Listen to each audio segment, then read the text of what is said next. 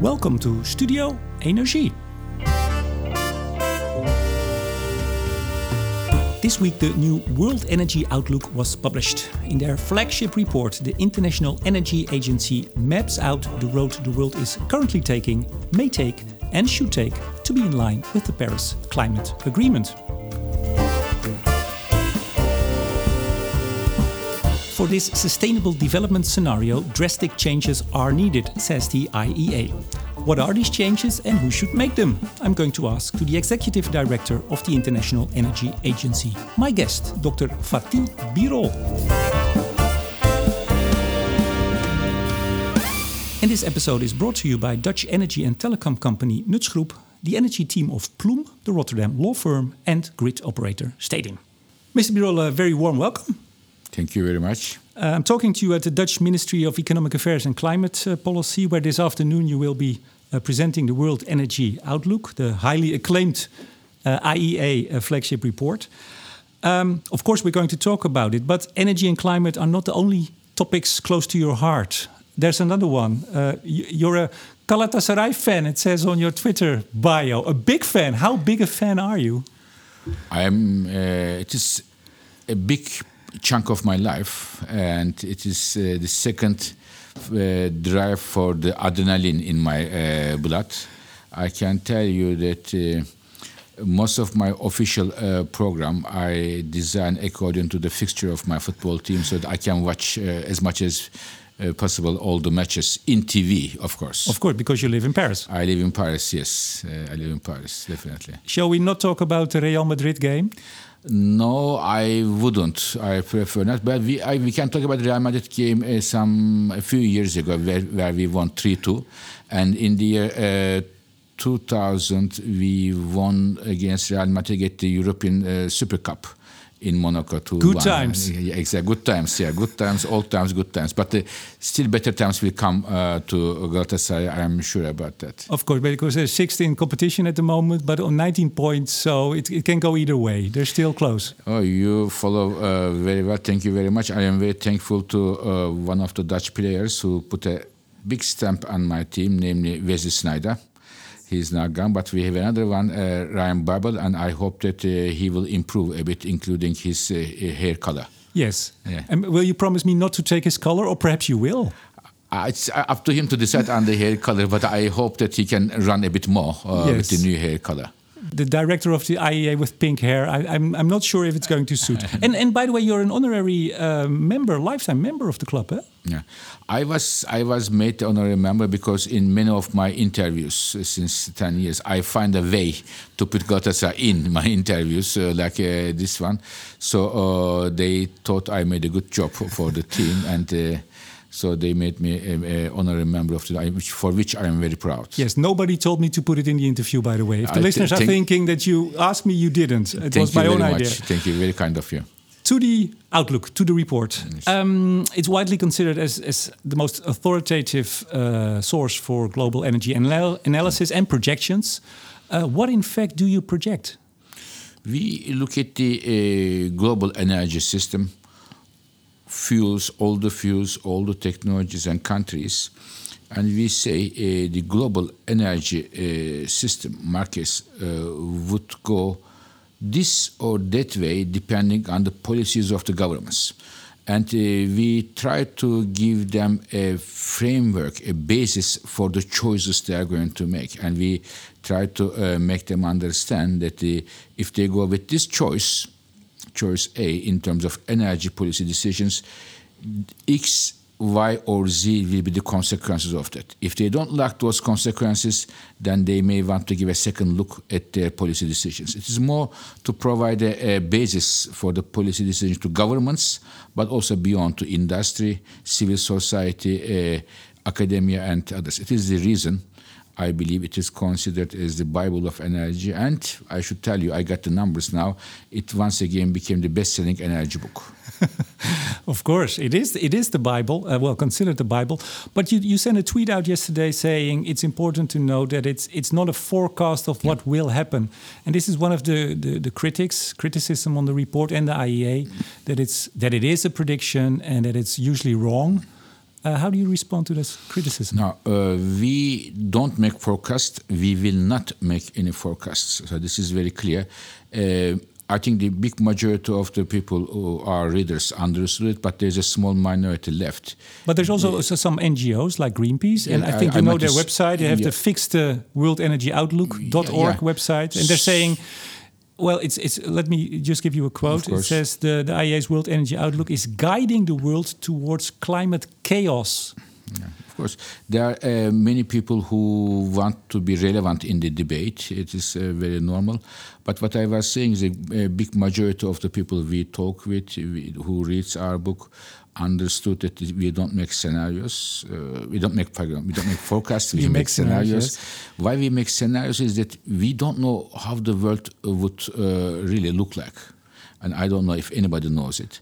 What we do is that we say with the different scenarios how the world look like, and if they, if they, you don't like it, then you should go the other option. For example, we have a sustainable development scenario uh, may I interrupt you? Course, We're going to talk about it a bit later, okay, if, if, okay. if, you, if you don't mind. Because I would like to to um, because what what they're also saying the, the, the NGOs they're saying well most or a lot of media and other parties consider it to be a prediction, and it's sort of a self fulfilling prophecy that if you say well based on these policies this might happen or this is going to happen that like I said a self fulfilling prophecy. Mm.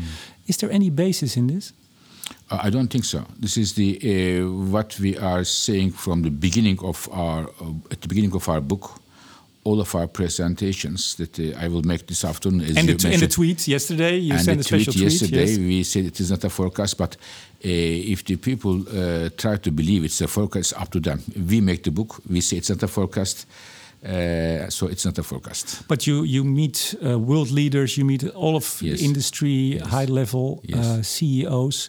Do they consider it to be something of a prediction sometimes, or do I, I, don't think so. They know that we have different scenarios, different uh, uh, pathways, and the the everything changes so quickly. Government policies, so we have to uh, provide them choices, options uh, for the, making the best decisions uh, for themselves. I don't know uh, anybody uh, who tells that I make forecasts and my forecasts are right.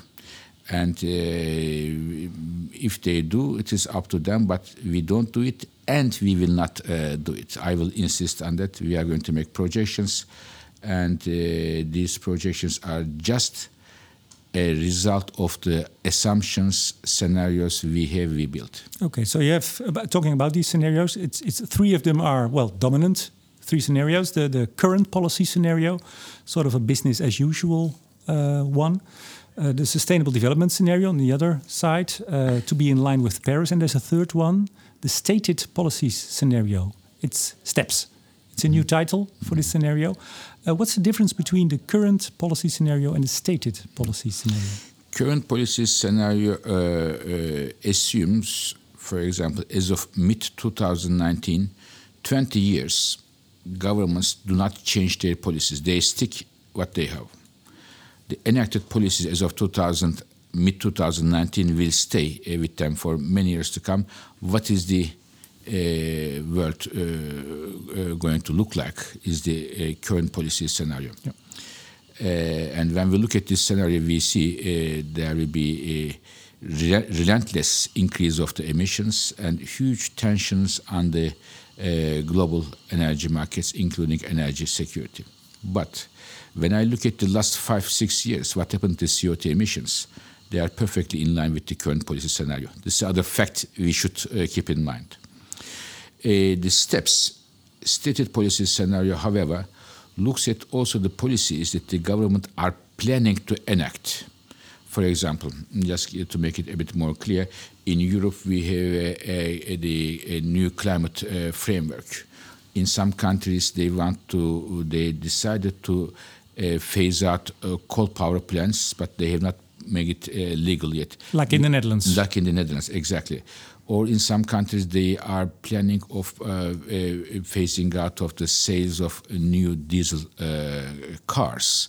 So these planned policies, which are in the direction of, in most cases, reducing uh, emissions, increasing the share of uh, renewables, are in, incorporated in these steps uh, scenario, and these are also very much in line with the countries' so-called uh, NDCs, uh, nation determined contributions under the Paris Agreement. Under yes. the Paris Agreement. But, so. but for instance, the Netherlands, we have uh, a Klimaatakkoord, a climate agreement uh, negotiated uh, this year for a 49% reduction in 2030. Well, like with most of the targets the, the Netherlands have put themselves, we're not, they, they, they will never reach them. Um, well, they haven't reached them, I should say. Um, so, but coal phase out that's that's uh, going to be legislation. But the 49% how do you how do you put this in your um, uh, reports in your scenarios? If a, if a policy decision has credible legs so to have a target itself is good but it is not enough that it will happen. But if it is really convincing legs we incorporate them in our uh, so-called steps stated policies. But it's an incredible task because for all these countries, all their targets, measurements, policies, you have to judge exactly. them, saying, "Is this credible? Is this going to fly or, it's, or it's not?" a big task. So, for example, I don't know if we're going to talk about coal in a, in a, uh, today. Uh, for me, for me, it is the most important issue when it comes to climate change. I will give you some example. How many people, how many uh, weeks work on, and the credibility of it. It is not only sending a tweet with a picture, as some the, as some colleagues uh, do. It is a lots of uh, uh, heavy work behind it. So this is the steps, and the steps bring you to a temperature increase which is in line with a 3 degrees uh, centigrade increase uh, in the global temperature. Yeah, so that's the step. So that's the, the, the, the policies the, the, countries are going to take. With the um, uh, current policies, where are we going with current policies? Much higher than that. Much higher than that. Uh, much higher than uh, 4 degrees Celsius. That's so quite a lot, a, huh? But it's huge, of course. And, and uh, of course, 3 degrees centigrade increase and the stated policy objective in Paris well below 2 degrees, the 1 degree difference is not only something that you take your jacket off and adapt to the new environment, there, there it has catastrophic implications for the fragile equilibrium of our planet. So you say uh, drastic changes are needed. It was, the, I think, the headline from the Financial Times uh, yesterday morning uh, about the, the. I don't know. Actually, there was a huge press coverage around the world. I don't know which uh, newspaper, which, but I understood that many uh, many leading newspapers around the world use uh, appropriate headlines. But I don't know what well, FT I, wrote. I have it here in front of me. the Financial FT. Times said drastic changes needed to alleviate climate crisis, says IEA. And this is this is true. This is, this is what we said. Yeah, so this was my question: Is this an accurate description of the report? Uh, definitely, definitely, we need drastic changes uh, in the power sector, in transportation sector, in industry sector, but more importantly, in my view, the and the uh, and the bring the political will to push that uh, agenda. But uh, can you give me an example in the power sector? What does drastic change mean? Because it's it's it's a great statement. It's a great headline in the newspapers. It sounds uh, like we we need to hurry. Yeah. But what does it in fact mean? Can you give me one example? Yes, in terms of power generation, in my view, we have two jobs. One of them people are very much aware and discuss. The other one, for me, as important as this one, uh, if not more important, which is not more discussed. The one which is discussed is that we have to make the new uh, power plants as sustainable as possible, which means big chunk of renewable energies. Solar, onshore wind, offshore wind, hydropower, geothermal, and others, and in some cases, uh, the the which is where it is accepted, in my view, nuclear power can also uh, play a, a, role. But so, can I interrupt you about the, the, the renewables? Because in your report, again, and you've stated this many times, solar and wind, for instance, are not able to catch up with the growth of the energy demand. Electricity demand. Ele sorry, yeah, ele yeah. electricity demand. Yeah, they are not. So therefore, drastic changes are needed to push them even uh, uh, further.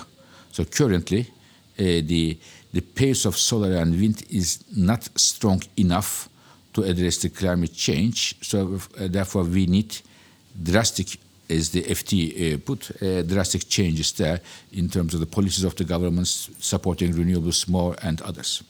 So this is the first part, the, what we are going to build uh, new. But emissions do not come only from the power plants we are going to build new. Emissions also come from the power plants we already have. Now, I don't know if you know, uh, I know you are the one who's going to ask questions, but let me ask you one question. Do you know what is the single largest source of emissions in the world today? Let me tell you, it is, uh, it is the coal-fired power plants. By far, only the coal-fired power plants in the world are responsible one third of the emissions only. And I go one step uh, further. Today we have a bit higher than 2,000 gigawatts of coal-fired power plants, and the big chunk of it are in developing Asia. And that they are 12 years old. They are very young, very young fleet. What does it mean? It means if we don't change our policies, they will be with us 40 more years. But then, can you give me a solution? Because if you need I, drastic I will change, tell- one more thing I will tell you. Okay. If we don't, if we don't intervene, and even if we don't build one single new coal plant, the existing ones in 2050 will be still the number one source of emissions. It's a big legacy issue there. so let's close them down, or let's CCS carbon capture and storage. Exactly. CCS one solution, but closing down is not easy. For example, Germany, I'm going to Germany from uh, here. In Germany, they have a coal phase out plan 2038. Yes. 2038, I want to underline this date. And in Germany, coal fired power plants are providing electricity for the fourth television in the kitchen. But in developing Asia, it is providing electricity to the villages, to the refrigerator for the parents to keep the medication for their children. So there is an issue of the economic development level and equity uh, issue uh, here. It is not easy to shut down. Even in Germany, it is very difficult. But in the poor countries, to shut it down without the uh, the uh, the uh, finding an economically viable alternative is not easy. So CCS is a major, in my view, a major major technology which is extremely important, and I believe in the absence of CCS, the coal plants today we have, even again. Even if we don't build one single new one, which are building anyways, 170 gigawatts are under construction, we will have major, major difficulty to reach our uh, Paris targets. But you, you're saying uh, strong leadership is needed. Yeah. Well, I can imagine uh, leaders to say, uh, "Let's uh, do CCS. Let's prepare them for CCS at least." But do you see strong leaders taking charge? You've No. been you've been uh, in charge of the IEA for four or five years now. Four years, yes. Four. Do, uh, do you meet these leaders? No, I meet the leaders, of course. I meet them. Uh, but not the, the strong leaders. I meet leaders. I cannot judge which one is strong or not, and I don't know if strong means uh, good results uh, or not. Uh, but what I can tell you, No, but let's say strong means having a result. yeah, in some cases, yes. I can definitely tell you uh, that the, uh, your prime minister is one of those strong leaders. Uh, I discuss. I met. Uh, he has a mind and a heart to fight against uh, climate change, but. Netherlands alone will not change the global trends, uh, to be honest uh, with you. Perhaps Mr. Frans Timmermans, also Dutch. It would be great, but uh, it would be great if he, he has a very uh, good CV and lots of expectations. But Europe alone is only responsible for 9% of the emissions. 91% comes from somewhere else.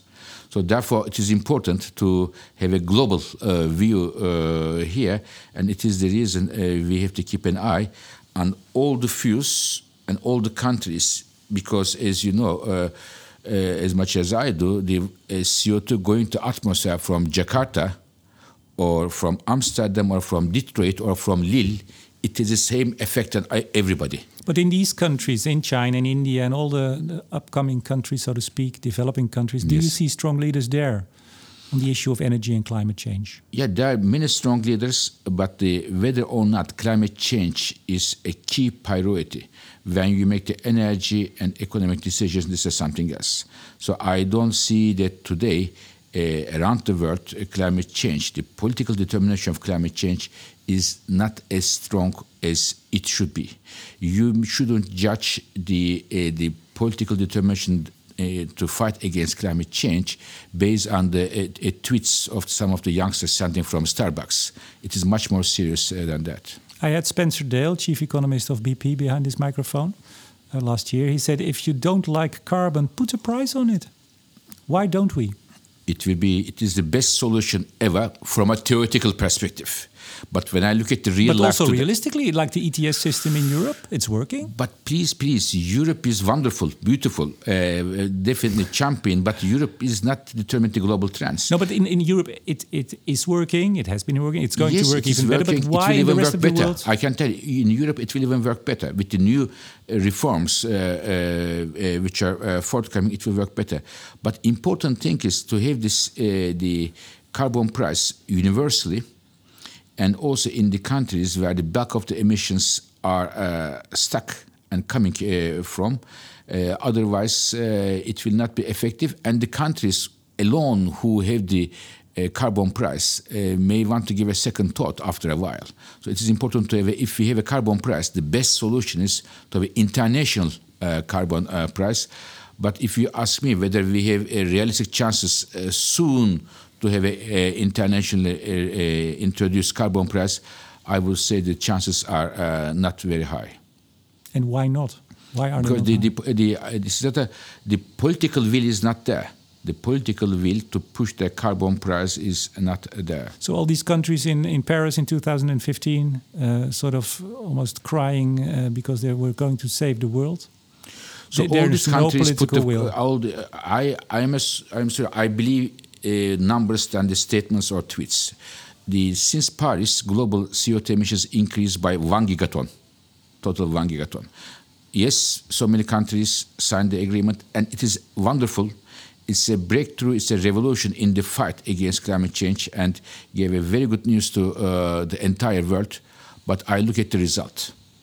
One additional gigaton came to uh, our atmosphere, and when you look at the 2018, uh, we see that the global emissions reached a historical high. These are the facts, and I am talking about facts. And what about 2019, this year?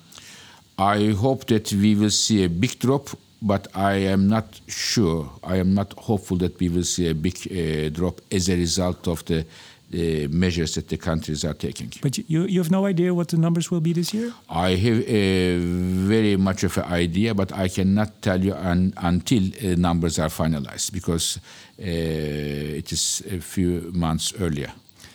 If we want to close the gap between what we are doing, what the world is doing, and what we should do, can it be done from a technical standpoint? Yes. Uh, technical uh, most of the technical uh, options are there. The, but we need all the technologies to be deployed. Sure, but so technically it's okay. Economically? Economically, it will be done if we find the right system uh, around the world. Because some countries it will be more difficult, some others it will be uh, more easy.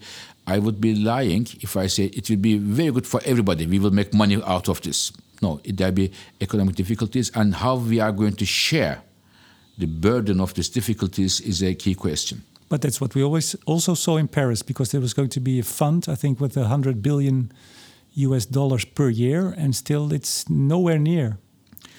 Uh, there was a very good proposed mechanism there in Paris, but uh, whether or not it is uh, working uh, uh, requires a close look. okay, so technically it, it, can be done economically. So then we leave. You, you already mentioned it politically. Yeah, uh, technically it's done, but it can be done. Uh, I should say uh, we cannot rely on one technology. We need all the technologies which can help. Efficiency is very important. Energy efficiency improvement. Renewables are key pillar of the fight against climate change. We need, but also carbon capture and storage, nuclear power, hydrogen, many other uh, options. But in my view, the order of magnitude of the challenge is so big that uh, I believe the world needs a grand coalition. The world needs a grand coalition of governments, investors, energy companies, uh, utilities, and everyone who genuinely dedicated to tackle the climate change. In the absence of this grand coalition bringing everybody together, not only the 0.1% of the population, everybody together, and mobilize them, uh, in my view, is the key to find a solution to our uh, climate problem. I got a sign. We've got two minutes left, and I've, I think I, we can squeeze in two more questions, perhaps. Are you an optimistic man? For, in general. For get, well, first of all, in general, and then of course about will the job be done? In general, I am definitely not a very optimistic man. I look at the uh, facts, and uh, I would, if I have to qualify uh, myself, I think I am a, a, a carefully realistic man. But about the job getting done, about getting stuff in line with Paris. Uh, I'm very sorry to disappoint you, but when I look at the current trends, which I do, which we do at the IEA, when I look at the uh, the current appetite about the uh, fight against climate change, I am not uh, very optimistic, but I am very determined. Some people ask me, is International Energy Agency supporting behind the fight against climate change? I said, no. International Energy Agency is leading the fight against climate change in a realistic way. The world needs realistic policies, well thought, well designed policies, and it is the reason International Energy Agency is leading the fight against uh, climate change. So I am determined, even though I am not uh, pessimistic with the current conditions. You're not predicting the energy future, I know, but I would like you to make one prediction. Will Galatasaray become champion this year? It is my sincere uh, wish. I will do everything that I can in front of the television that it uh, happens. And I hope the Galatasaray uh, become the champion of uh, Turkish league is as strong as the Ajax uh, becoming the champion in Europe. Dr. Fatih Birol, Executive Director of the International Energy Agency. Thank you very much for this interview. Thank you very much. And I also say thank you to our sponsors, Dutch energy and telecom company Nutsgroep, the energy team of Ploum, the Rotterdam law firm, and grid operator Stedin. And of course, thank you very much for listening. My name is Remco de Boer. I'll hope you'll tune in again next week.